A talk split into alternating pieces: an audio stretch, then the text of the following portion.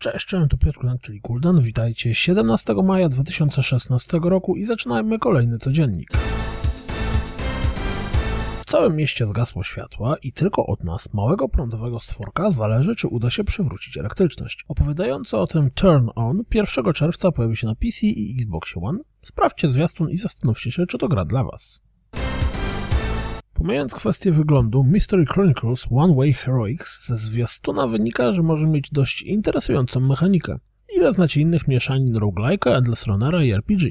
Tytuł zmierza na PlayStation 4 i PlayStation Vita. Szukacie jakiegoś interesującego indyka? Sprawdźcie zwiastun Goliath, który właśnie zadebiutował na Steamie. Jeśli lubicie ładnie wyglądające platformówki, to ręcznie rysowany Fossils Echo może Was zainteresować. Gra debiutuje na Steamie 1 lipca. Możliwe, że na E3 dowiemy się o nowej grze w świecie Metro. Tak przynajmniej można by wnioskować z zachowania dewelopera na forum. Dłubiący w kodzie Fallouta 4 doszukali się nazwy Nuka World DLC. Dodatki pojawiają się na tyle często, że pewnie niedługo przekonamy się, czy to prawda. Jak możemy przeczytać w wyborcza.biz, Techland jest obecnie w trakcie prac nad dwiema nowymi produkcjami, których łączny budżet szacuje na około 300 milionów złotych. Poinformował ISB News prezes firmy Techland Paweł Marchewka. Trzeba przyznać, że brzmi to imponująco. Jeśli zawierzyć wynikom sprzedażowym podawanym przez VGA Charts, a należy patrzeć na nie trochę przez palce, to Pokémon Tournament na Wii U sprzedał się lepiej niż Street Fighter V na PS4. Nawet jeśli VGA Charts mijają się trochę z rzeczywistością sprzedażową, to podobna sprzedaż tych dwóch gier jest dość zaskakująca.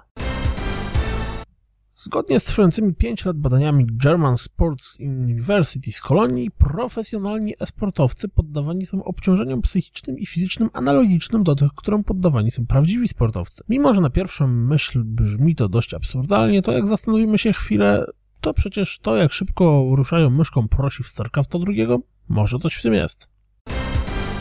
Tak jak wcześniej zapowiedziano, System Shock Remastered będzie szukał pieniędzy na Kickstarterze.